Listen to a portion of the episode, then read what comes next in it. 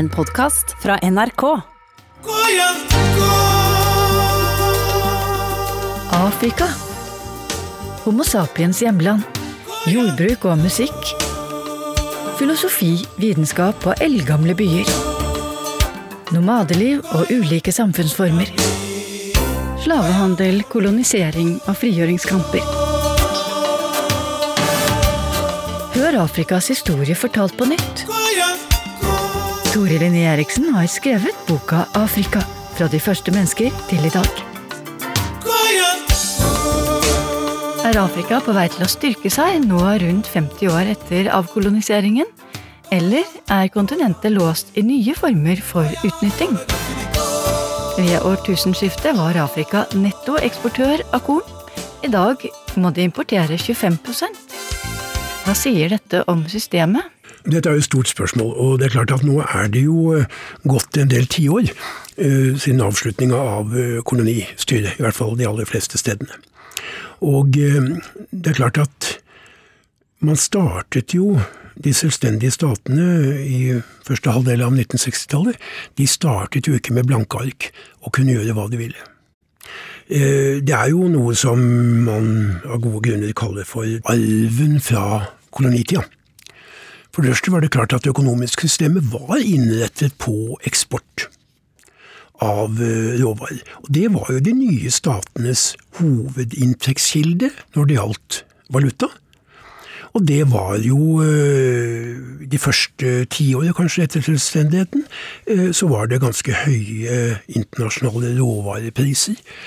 Slik at mange innså ikke behovet for dramatiske forandringer i, i, måten man produserte og eksporterte på. Eh, det er også klart at en koloniarv er at Afrika er stykket opp i 55 uh, eh, forskjellige biter, og med ganske dårlige muligheter for samarbeid seg imellom. Alle kommunikasjoner som går fra råvareområder og ut til kysten, og ikke mellom disse landene. Store problemer med grenseoverganger og toll og ulike språk i de ulike tidligere koloniområdene. Tore Linné Eriksen trekker altså frem flere forhold, både mangel på økonomisk samhandel, unaturlig oppsplitting av land og en autoritær politisk arv fra kolonimakter som for egen del hadde jobbet frem demokratiske forhold i sine respektive hjemland. Så hvordan hadde kolonimaktene preget organiseringen blant afrikanerne? Eh, det er klart at den eh, politiske arven er jo bygd på et autoritært styre. Eh, man kan si mye om kolonisystemet på ulike måter, men det var jo ikke noen læretid i demokrati. Det var jo ikke noen politikk politisk afrikanske partier før de aller siste årene før eh, avkolonisering, og en del steder knapt eh, da. Det var ikke det som vi i Norge kaller for et levende sivilsamfunn. Her var jo isteden religiøse protestbevegelser, eller fagbevegelser, eller kvinneorganisasjoner, eller frigjøringsbevegelser da, i det sørlige Afrika. Eh, de ble jo sett på som trusler mot nasjonssikkerhet. Eh, koloniherrene, eh, de sto jo ikke til ansvar eller lagde en stat som sto til ansvar for befolkningen, de sto til ansvar for kolonimakten sentralt i Europa. Det har vært store og komplekse oppgaver i det å skulle restrukturere landene etter at kolonimaktene trakk seg ut, blant annet det å skape velfungerende økonomiske systemer og råvarehåndtering som kommer landene til gode. Parallelt med dette har man hatt andre og uforskyldte forhold som tørke og påfølgende sultkatastrofer, samt epidemier som har kommet og gått. Men en del ting ble ganske raskt bedre etter avkoloniseringen, forteller Linné Eriksen. Den perioden etter selvstendigheten, den har jo ikke vært en sammenhengende nedgangs- eller kriseperiode. Eh, det er klart at eh, det første tiåret så var det i eh, nesten alle land en betydelig framgang når det gjaldt helse og utdanning. Første sånn 15 åra etter selvstendigheten så økte stort sett levealder, forventet levealder med ti år på en ganske kort periode i de aller fleste land.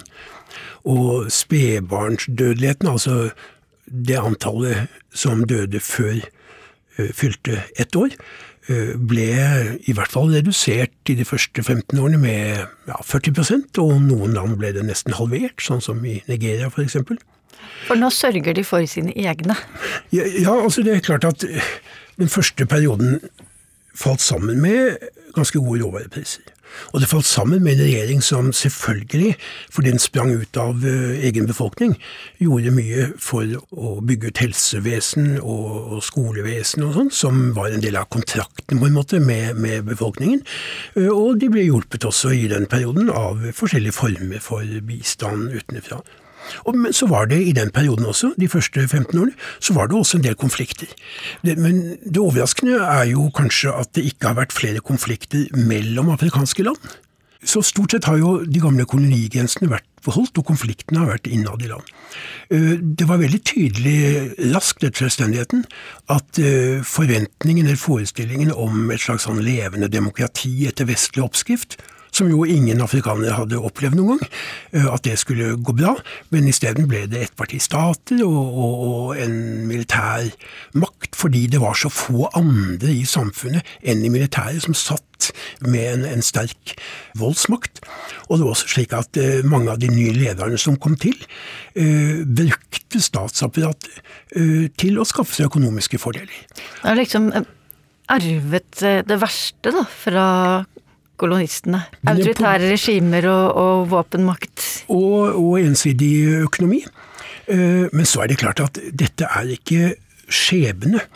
Og, og det er klart at afrikanske land selv også i den aller første perioden, bærer et stort ansvar, særlig da ledelsen, øh, for at de fjernet seg fra folk flest, at de ivaretok egne interesser, ofte mer enn øh, befolkningens interesser. At de brukte sine posisjoner til å skaffe økonomiske fordeler, egne gevinster. Ja, altså, Den politiske makten ble overført da, til de nye regimene? Ja, de kom fra militæret? Ja, ja de til å begynne med var det ikke så mange som kom fra militæret, men de militære gjennomførte kupp ganske kort etter selvstendigheten i, i, mange land. Så skjer det noe når det gjelder økonomiske muligheter for å forbedre situasjonen i Afrika fra 1970, midten av 70-tallet og nesten helt fram til årtusenskiftet. Dels ved at råvareprisene går kraftig ned. Samtidig som på 1970-tallet oljeprisene jo først fordobles og så firedobles, eh, og rammer jo eh, valutagrunnlaget sterkt. Mange afrikanske ledere hadde altså satset stort på å eksportere råvarer fra kontinentet. Men et langvarig prisfall på mat og andre råvarer endte med å sette landene i stor gjeld. Dette skulle komme til å prege landene i mange år fremover, forteller Tore Linné Eriksen.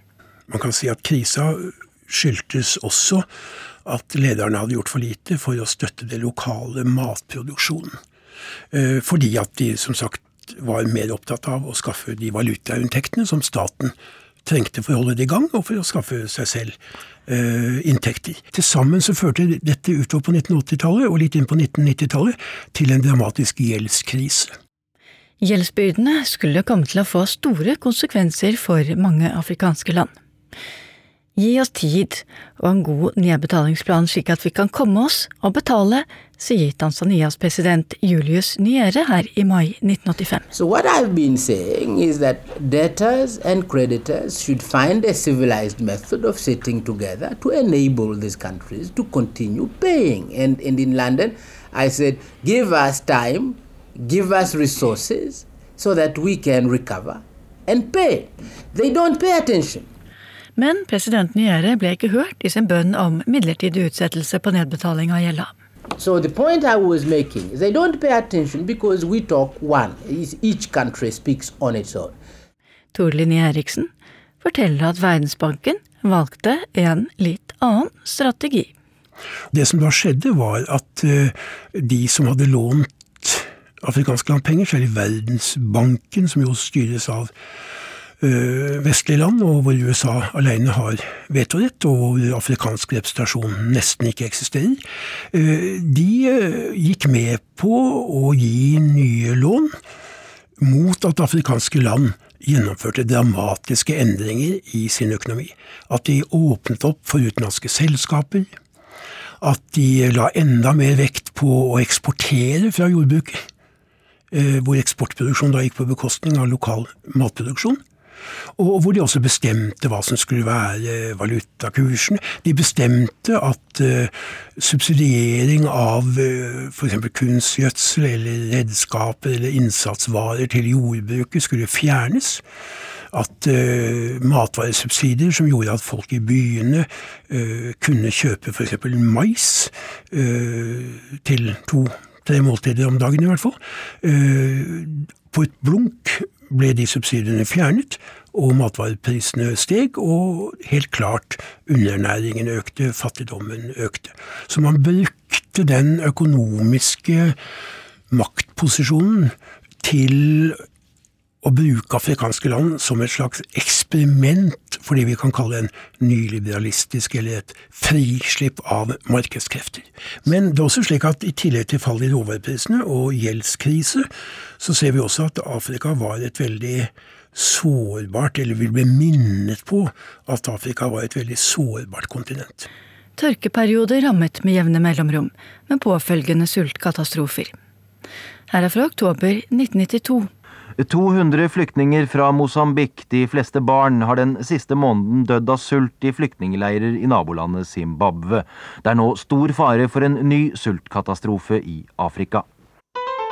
Og her hører vi om Etiopia fra april to år senere vi skal til Øst-Afrika.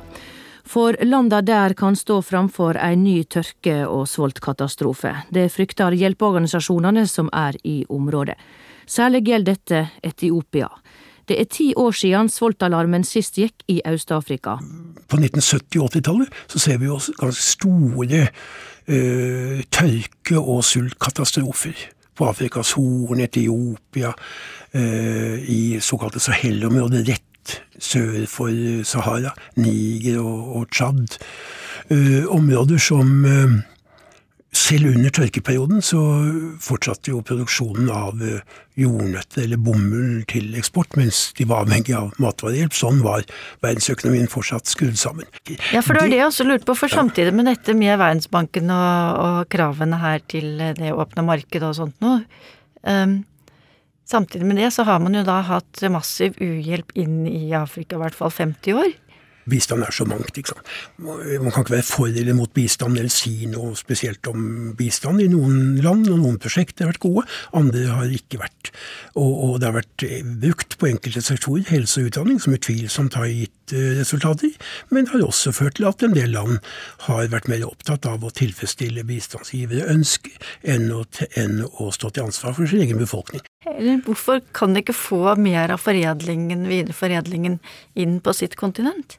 Det er jo sterke globale krefter som gjør at store selskaper oppkjøp. Du har mange små leverandører i Afrika, og så har du noen få store internasjonale oppkjøpere. Vi kjenner alle navnene på de store kaffe og te og sjokolade. Ja, spørsmålet er jo om det må være sånn? Nei, det må jo ikke være sånn. Altså, eller er det inni en sånn tvangstøye, tenker jeg på, med, med, disse store lånene og avtalene med Verdensbanken om hvordan handelen skal foregå? Det er klart, det er ikke det, Man bør ikke være fattig. Og man bør ikke være i utkanten. Og man bør ha mer økonomisk makt. Det er jo en ytterligere konsentrasjon i, i våre dager av makt hos noen få store oppkjøpere. Det er stadig færre og større selskaper som kontrollerer kornmarkedet, som kontrollerer eh, kaffe og kakao og temarkedet og, og f.eks. kaffe det er jo da kaffebønnene blir eksportert. Og så blir de da, i vår del av verden, så er det de store oppkjøperne som ofte bestemmer priser, og som brenner kaffen, og som lager pulver, og, og, og, og som eier kjeder hvor det selges. Det var et priseksempel som ble gitt ganske nylig i en britisk avis, Financial Times i fjor sommer, hvor de så på en kopp kaffe som i en kaffebar da kostet 30 kroner. Så så de at den afrikanske produsenten av kaffen, hun fikk da tolv øre av de 30 kronene. Og det er noen anslag fra Den internasjonale kaffeorganisasjonen om at kaffemarkedet internasjonalt i dag utgjør en sånn 100 milliarder dollar, og av det så er det 2% som liksom blir igjen i Afrika. Det er veldig sammensatt, men det er klart at i dag, hvis du ser på hva som går ut av Afrika, f.eks. nå er jo råvareprisene falt igjen, og hvis du ser hvor mye som øh, går ut fra gjennom de store selskapene, ikke minst innenfor gruve- og oljesektoren, utenlandske selskaper, hva de tar ut og plasserer i skatteparadiser. Og en del av korrupte statsledere, hva de plasserer i utlandet. Hva som går i renter og avdrag. Hva som skjer ved sånn prisfiksing innenfor det samme selskapet. Så kan det ikke være noen tvil om at eh, det går betraktelig større milliardbeløp ut av Afrika enn det som kommer inn gjennom bistand eller gjennom lån. Goya,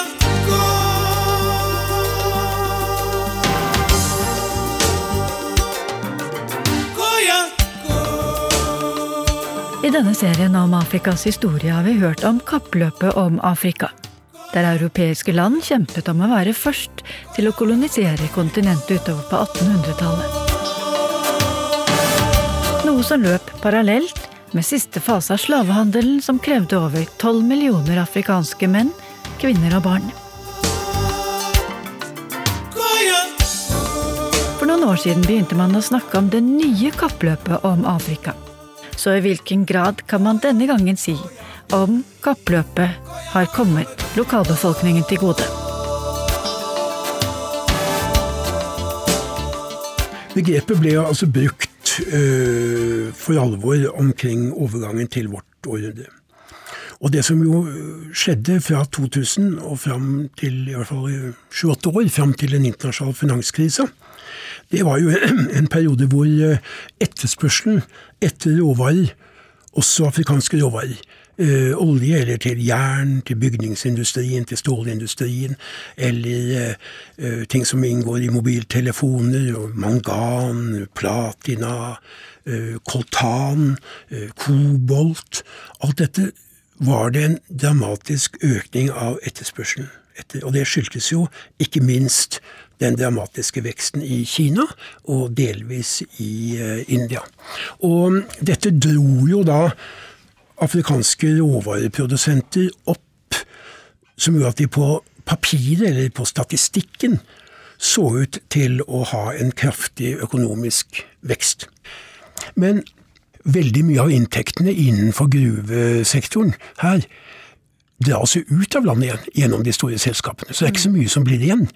Eh, dessuten så er det jo slik at eh, dette fører jo ikke da til økt industrialisering eller bearbeiding av råvarene, det vi kaller liksom utvikling.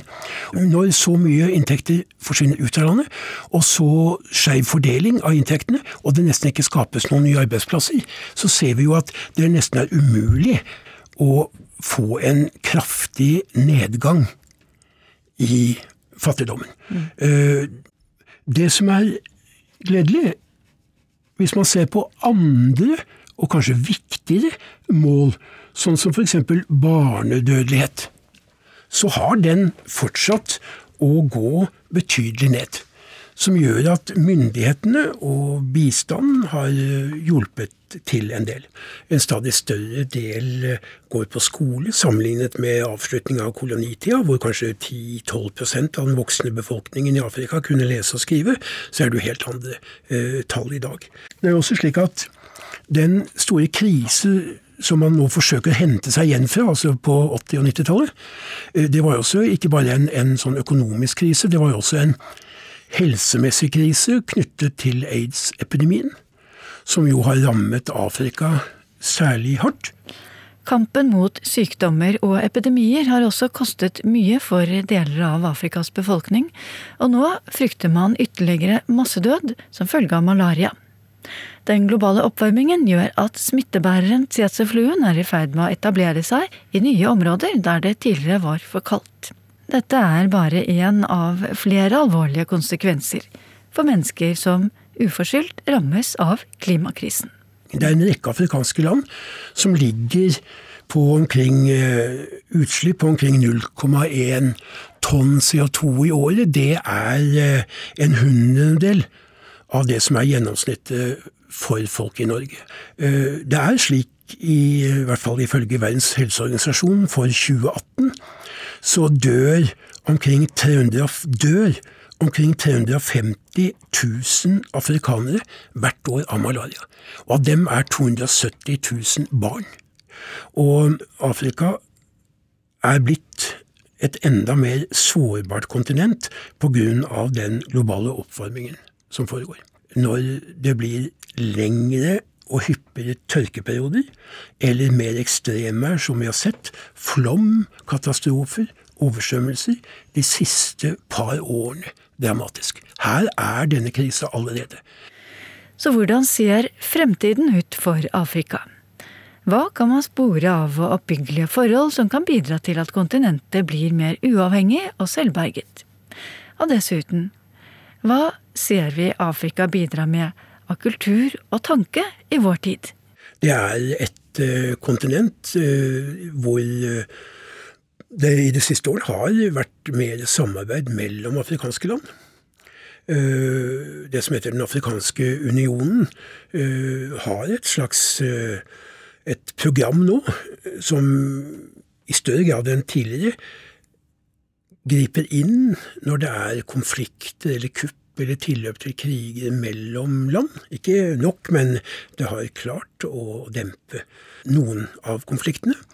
Eh, det er eh, en verdensdel hvor det er flere som klarer å videreutvikle en del av eh, råvarene, men under stor, stor internasjonal konkurranse.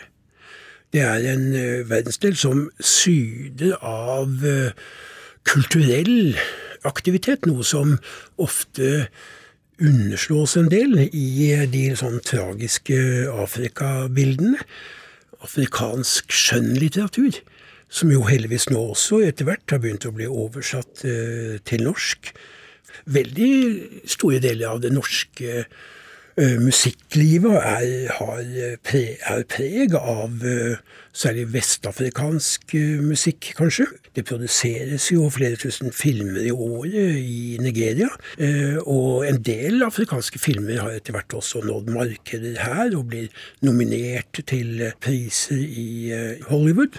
Det er en del som også viser til tegn på afrikaneres rolle når det gjelder å fremme menneskerettigheter og eh, et mer fredelig verdenssamfunn. Det er ikke tilfeldig at det er en lang rekke etter århundreskiftet av eh, Nobels fredspriser som har gått til eh, afrikanske land. FN fikk det, ledet av Kofi Annan fra Ghana. Kenya Mm. Wangari Matai, en miljøaktivist og, og, initiativtaker til det som på engelsk kalles The Green Belt Movement, altså en, en storstilt uh, treplanting, som ikke minst er ført videre i Etiopia i, i, i fjor var det jo rett og slett Etiopias uh, statsminister, Abiy Ahmed Ali, uh, som fikk også fordi at han har vært med på å løse en uh, langvarig konflikt med nabolandet Eritrea, men også fordi Etiopia under hans ledelse har åpnet opp for opposisjon og fjernet en del pressesensur. Lyspunkt kan jo være tilgangen Eh, til mer informasjon og kunnskap gjennom mobil, mobiltelefoner. Småbønder kan ringe og høre hva er markedsprisen på kål i hovedstaden i eh, neste uke. Så Tore Linné Eriksen, hvordan har du selv blitt preget av å befatte deg så mye med Afrika som det du har gjort? Jeg må si at, for å være litt personlig, at jeg har jo bodd i en del afrikanske land til sammen i en god del år. Og når jeg kommer tilbake, så spør veldig mange hva er det ikke grusomt, og, og er du ikke pessimistisk, og når du kommer tilbake, er det ikke ille? Og jeg syns, for å være helt ærlig, at det ofte er mye vanskeligere å komme hjem. At kultursjokket er mye større når du kommer hjem.